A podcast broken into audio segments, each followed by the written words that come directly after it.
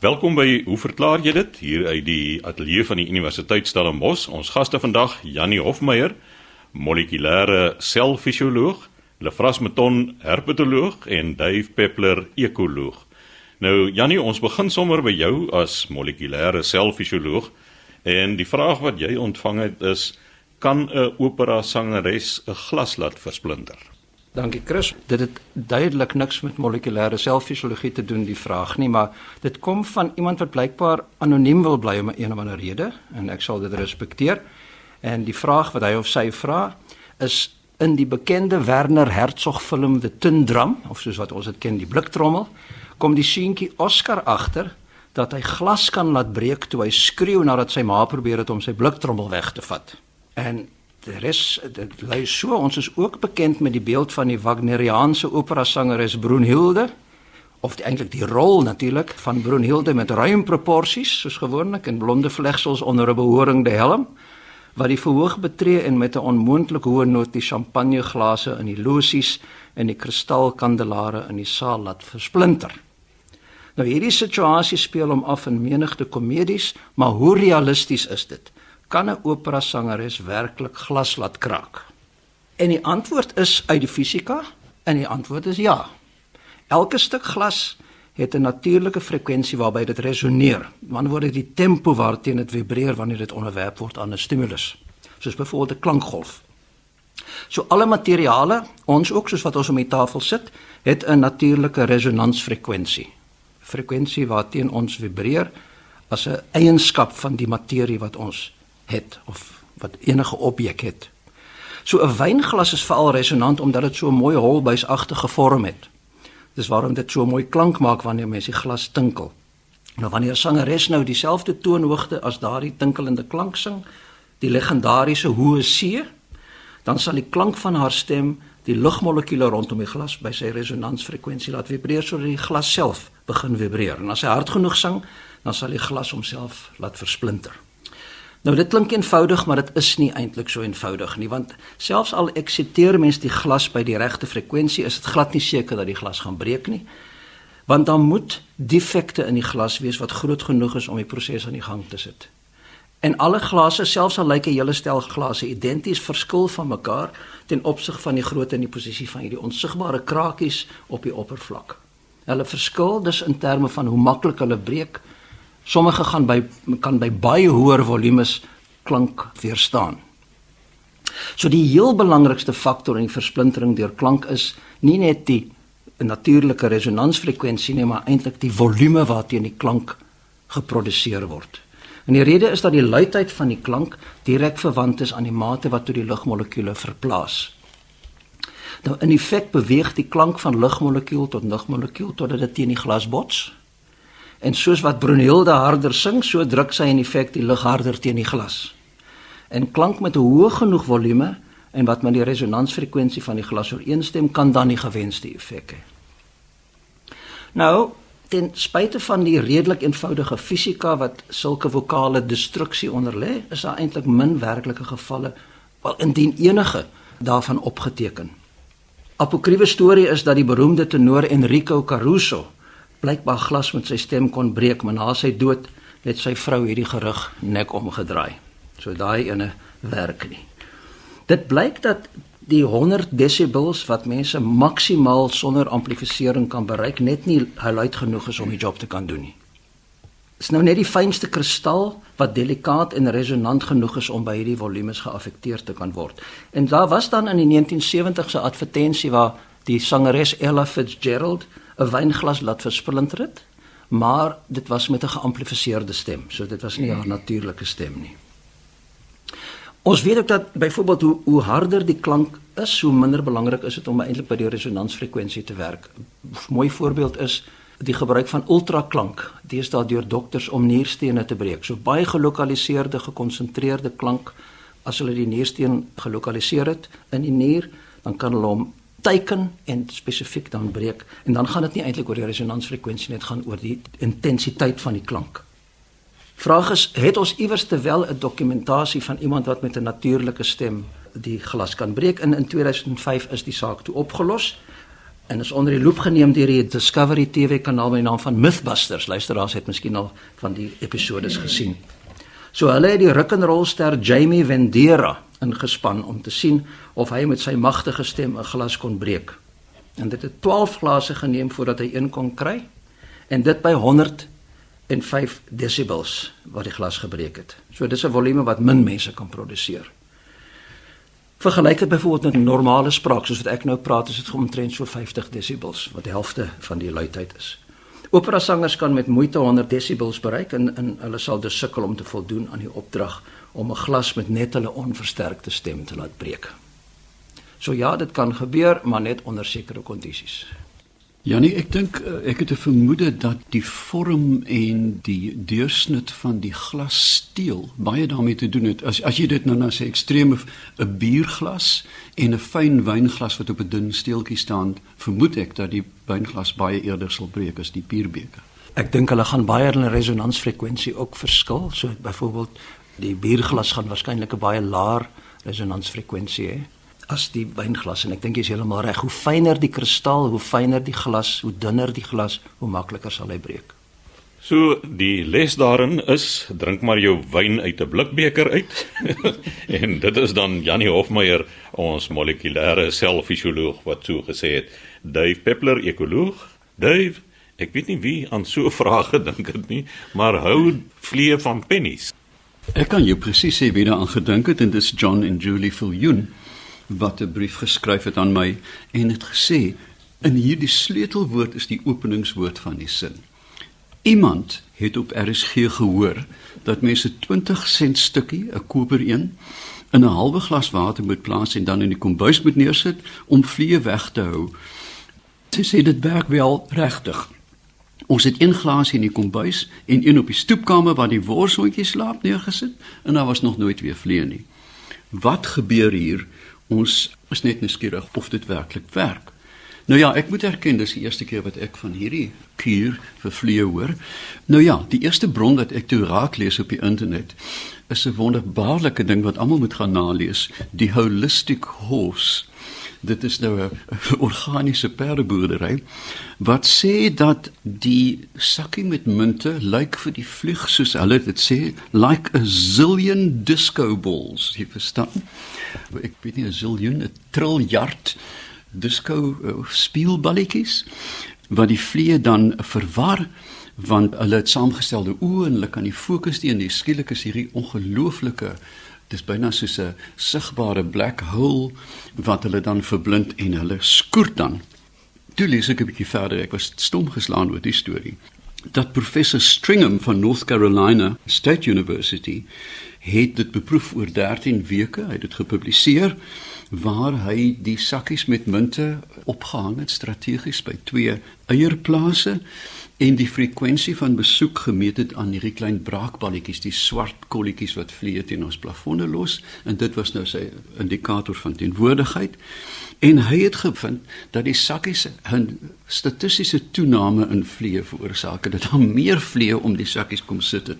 Nou Waar kom hierdie stadslegendes? Uh, Daar's nou 'n nuwe volkswoord, 'n liegende. Ek hou nie daarvan nie. Kom ons praat van 'n stadsleef. Waar kom dit vandaan? En ek dink die sleutel wat ek na verwys het was iemand het gesê. Daar is altyd 'n storie wat jy oor die radio met groot gesag hoor dat 'n professor in Duitsland het gevind. Of iemand wat ek baie goed ken. Mense verseker jou ek het dit self gehoor dat so en so gebeur het. Nou ja, Stadslegendes is 'n vorm van folklorisme. Dit is deel van die voedingsaarde, die agtergrondvoeding van die volksgewete en die volks se ondervinding. Dit is 'n eenvoudige fiksie wat as waarheid opgedis word. Dis presies wat dit is. Dit is gewoonlik makaber. Dis nooit 'n een eenvoudige ding, jy weet soos uh, hoe om 'n piesang ryp te druk nie. Dit is 'n een van jy weet hoe om piesangs giftig te maak as jy iemand wil vergiftig. Of daar is uiteraard dan ook humoristiese elemente in. En dit is gewortel in popkultuur. So, jy het altyd by 'n goeie vriend gehoor, professor in Amerika en so voort. En hoe versprei dit dan?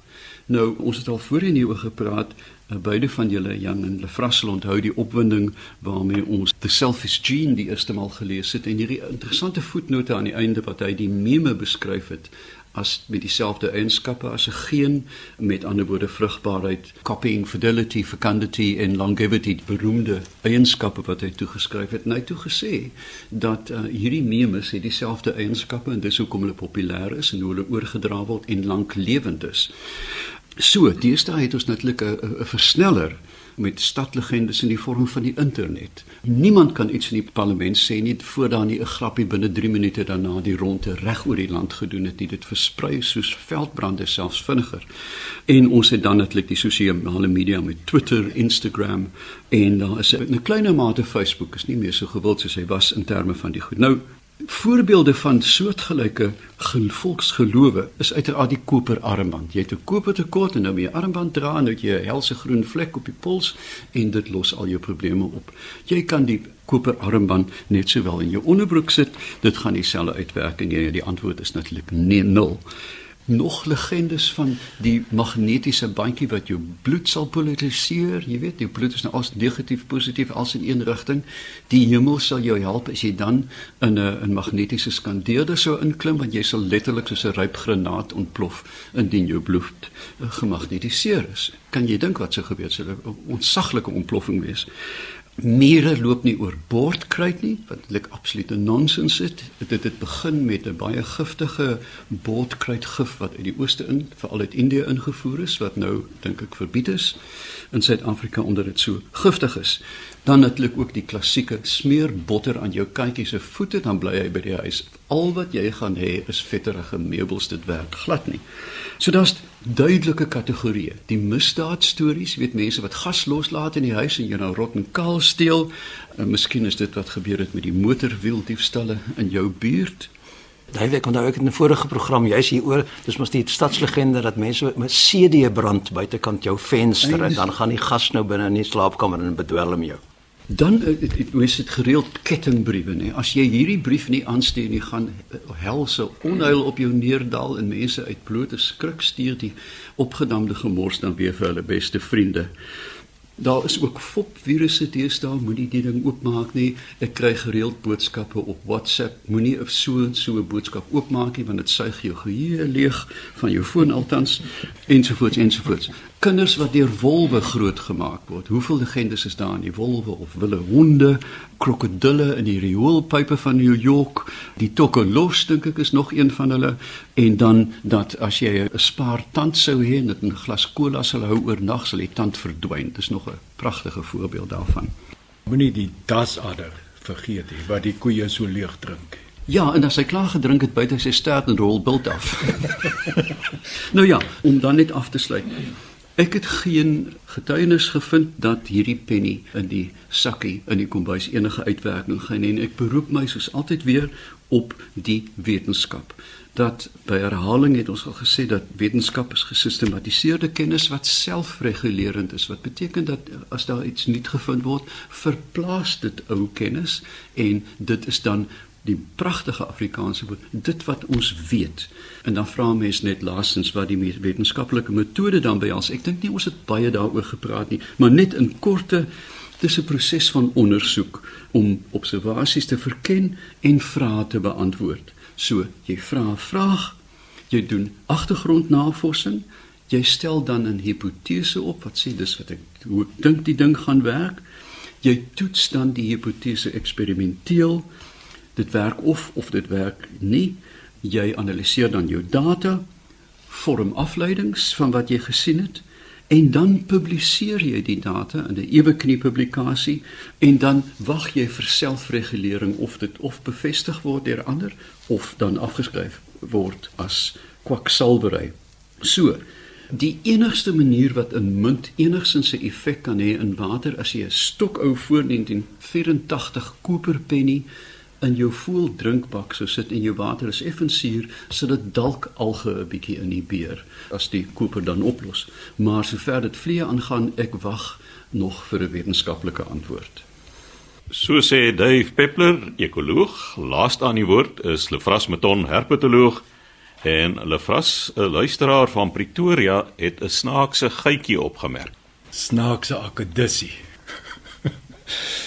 ja, Chris, Ons het 'n navraag gekry van Lila Bosman Sy is by haar ma se huis in die noorde van Pretoria en sy ken die gewone akedissies rondom die huis baie goed. Klem op gewone akedissies. Dan sê sy oor die afgelope 25 jaar is daar ook 'n toename in gytjies binne die huis. En sy dink die rede daarvoor is dat kleintyd het sy baie gytjie eiers uit die bosveld daar opgetel en dan huis toe gebring en dit dan nou uitgebroei. Die gytjies is nou minne, maar ek sien hulle nog van tyd tot tyd. Vandag sien ek toe hierdie vreemde diertjie teen die muur in die huis. Hy het streepies van akedus met effens groote oogies soos 'n gytjie, maar ook met die voetjies van 'n gytjie. Wat is hierdie diere? Jannie en Dave, julle het nou seker agtergekom. Sy praat hierso van akedussies en dan gytjies. So ek ek wil net sommer dit regstel, gytjies, net soos vir kleermannetjies, koggelmandas, die skurwe jantjies wat ons baie sien, likkewane, dit is alles akedisse. Dit is verskillende families van akedisse. So geitjie is 'n akedis. Ek dink wat sy hier na verwys met gewone akedisse is die skinke wat ons baie in die tuine ook sien. Nou, hierdie geitjie of akedissie wat sy gesien het, is 'n geitjie. Dit is 'n baie bekende geitjie Dit is die algemene dwerggeitjie. Daar's eintlik 'n paar spesies in daardie noordelike omgewing, maar hierdie ene Ligodactylus capensis is baie bekend om verskillende redes wat ek nou by sal kom. Wat so interessant is van hierdie geitjie is dat hy is in die dag aktief. Die meeste geitjies wat ons ken is mos maar in die aand aktief en hulle is ook baie stadig want temperature is nou nie baie bevorderlik vir hoë spoed die aandtemperature nie. En daar's ook min predatore in die nag maar in die dag kan omdat die hoër dagtemperature daar is kan hulle baie meer aktief wees. En daar's ook baie meer predatore in die dag veral dan die voëls. Ons weet mos is maar eintlik maar net uile wat in die aand aktief is van die predatore maar in die dag is al die ander voëls ook aktief en die enigste manier vir akedus om veral die voëls, roofvoëls te ontsnap is deur spoed. So hulle moet baie aktief wees. Wat nog interessant is van hierdie geitjie, hy's redelik klein, kom ons sê maar so 40 mm, 4 cm so van die punt van die snoet tot die kloak. En as mens na sy oë kyk, dan sal jy sien hy het ronde pupille net soos wat ons as mense het en dit is baie kenmerkend van daglewe terwyl die ander geitjies wat in die nag lewe het hierdie tipiese spleet pupille wat natuurlik in die nag groot en rond oopmaak. So ons het al by 'n vorige geleentheid oor hierdie verskillende tipe pupille gesels.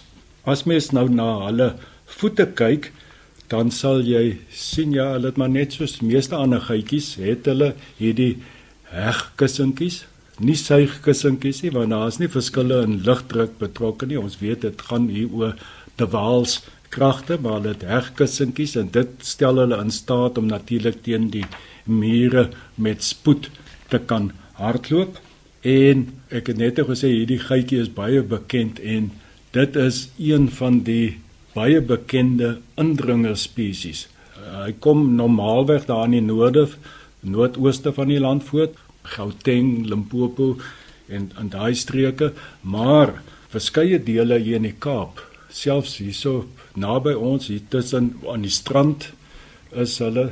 Dave, jy koop ook nou nie meer plante daar op tussen Stellenbosch en Somerset Wes is daar was alle jare bekende kwekery. As jy nou vandag daar gaan stap, dan sien jy hierdie geitjies hardloop daar rond. Dis interessant dat jy dit noem Lefras die kwekerye en ek beskuldig nie die spesifieke een nie. Vorm deesdae locus vir indringer spesies. Daar is 'n tropiese kewe, Darby's fruit chafer wat bo in Natal wat nou uit jy weet in hulle honderde by daardie kwekery voorkom. Ja, dit is 'n hele soort van 'n kettingreaksie waar die plante vandaan kom. Hierdie gytjies lê twee klein eiertjies en waarskynlik is die potplante 'n lekker plek as daar bas en goed bo-op lê om onder die bas die eiertjies te lê en dan kom broei die eiertjies uit. Dit is eintlik 'n groot probleem. So 'n paar jaar gelede het mense in Graafrenet ook laat weet dat Die geitjie is daar. Janie, ek het hierso die kaart van Suid-Afrika. Al hierdie rooi kolletjies is waar die geitjie nou al ja. gekry is. En dit is kommerwekkend, maar aan die ander kant miskien jy wil jy ook ietsie daaroor sê oor is dit nou natuurlik? Ja, dit is onnatuurlik want die mense is hierby betrokke, maar ek dink in die algemeen oor die jare het sekere diere het net daardie vermoë om te versprei op maak nou nie saak dit mag dalk op agterop op Bobianse rug wees. Moet mens dit teenstry of is dit 'n natuurlike proses? In die indringerbiologie staan dit bekend as kommensiele spesies, die wat saam met die mens beweeg. Nou, as ons kyk na Stellenbosch, dan as ons die indringers wil uithaal met die eikebome, die wingerde, alles met uitkom, die papegaaie in die hokke. Ons weet dat uh, mossies en duwe wêreldwyd gedra is, uh, kraaie en uh, hulle is onstuitbaar en ek dink ons moet dit eenvoudig aanvaar. Maar hy sommige spesies verskuif eenvoudige habitat natuurlik. As ek dink die heilige ibis in die Hadida toe ek op Stellenbosch aangekom het in 1972 was nie een van hulle hier gewees nie en nou is hulle val die Hadida wat later gevolg het ek meen hulle is nou oral Ja dit hou verband met besproeiing dat kunsmatige besproeiing toegeneem toename van kolganse bewys dieselfde teorie en ek kan onthou jy weet ek het gedink ek het dalk te veel gedrink toe ek my eerste Hadida op Stellenbosch gehoor het in hierdie geval die algemene dwerggeitjie ek dink sover Sover my kennis strek, is hulle net beperk tot dorpsgebiede. Hulle kom nie in die natuurlike veld voor nie en dit is baie keer die geval met baie van hierdie diere is dat hulle kan nie in die natuur oorleef nie, maar wel in dorpsgebiede. En dit is eintlik 'n goeie ding. Daar's dus geen kompetisie met plaaslike spesies in die natuur nie. Ek dink 'n baie goeie voorbeeld van hierdie Mens kan dit binne sê heilsame verspreidings is natuurlik die eekorings wat totaal gebind is aan die voorkoms van akkers. Hulle kom nie verder as Ceres voor nie. Jy sal ons uh, grys eekoring, die Amerikaanse eekoring beslis nie in die Transvaal kry nie. En daar's lank gelede 'n M gedoen in ons departement oor die verspreiding en die verspreiding van eikebome en dit korreleer perfek. Alhoewel hulle nou 'n voel eiers eet en so aan, dink ek dit is een van die meer die nuwe Afrikaanse woord benigne verspreidings. So lila, dis nie so 'n vreemde akkedus nie. Dit is 'n 'n geitjie en onthou 'n geitjie is ook 'n akkedus. Hy het ou streepies op en ons kon seker nog ietsie oor die streepies ook gesels het. Dit is baie keer diere wat in die dag aktief is of diere wat meer aktief is sal strepe hê want dit help om verwarring te skep. Hulle is besig om te beweeg, dan lyk dit vir die predator of hulle nog stil sit en so meer terwyl diere wat meer onaktief is op een plek sit is gewoonlik kripties geklee. So ja, 'n baie interessante geitjie, dit is 'n daggeitjie terwyl die meeste ander geitjies is naggeitjies en interessante pupille en dit is dis nou nie 'n buitengewone geitjie of akedus nie, dit is maar 'n normale ding maar tog 'n baie interessante diertjie. So sê Lefras Meton, ons herpetoloog, skryf gerus aan ons by hoe verklaar jy dit? Posbus 2551 Kaapstad 8000 of stuur 'n e-pos aan chris@rsg.co.za.